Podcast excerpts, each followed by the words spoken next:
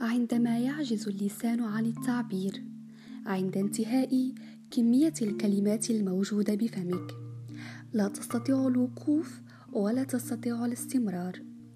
تقف في نصف الطريق وكأنك قطعة من الورق تطير من هنا إلى هناك أي ريح أتت تحملها. تتركها ممزقة متسخة. كل أطرافها قد تلاشت مع تلك الرياح القوية.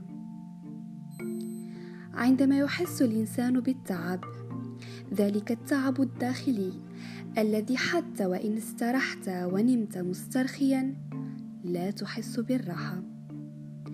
شيء بداخلك يزعجك لا تعرف ما هو. يقودك إلى الانهيار. حتى وإن واجهته وكنت قويا حتما ستعاني. فالقوة لا تعني نهاية المتاعب. فكم من قوي ضعف أمام أبسط شيء لاقاه. لا أحد يراهن على أن كل ما تلقيناه من صدمات في حياتنا كان سببا في وصولنا للحالة التي نوجد عليها. ثق بي الحياة غير صادقة.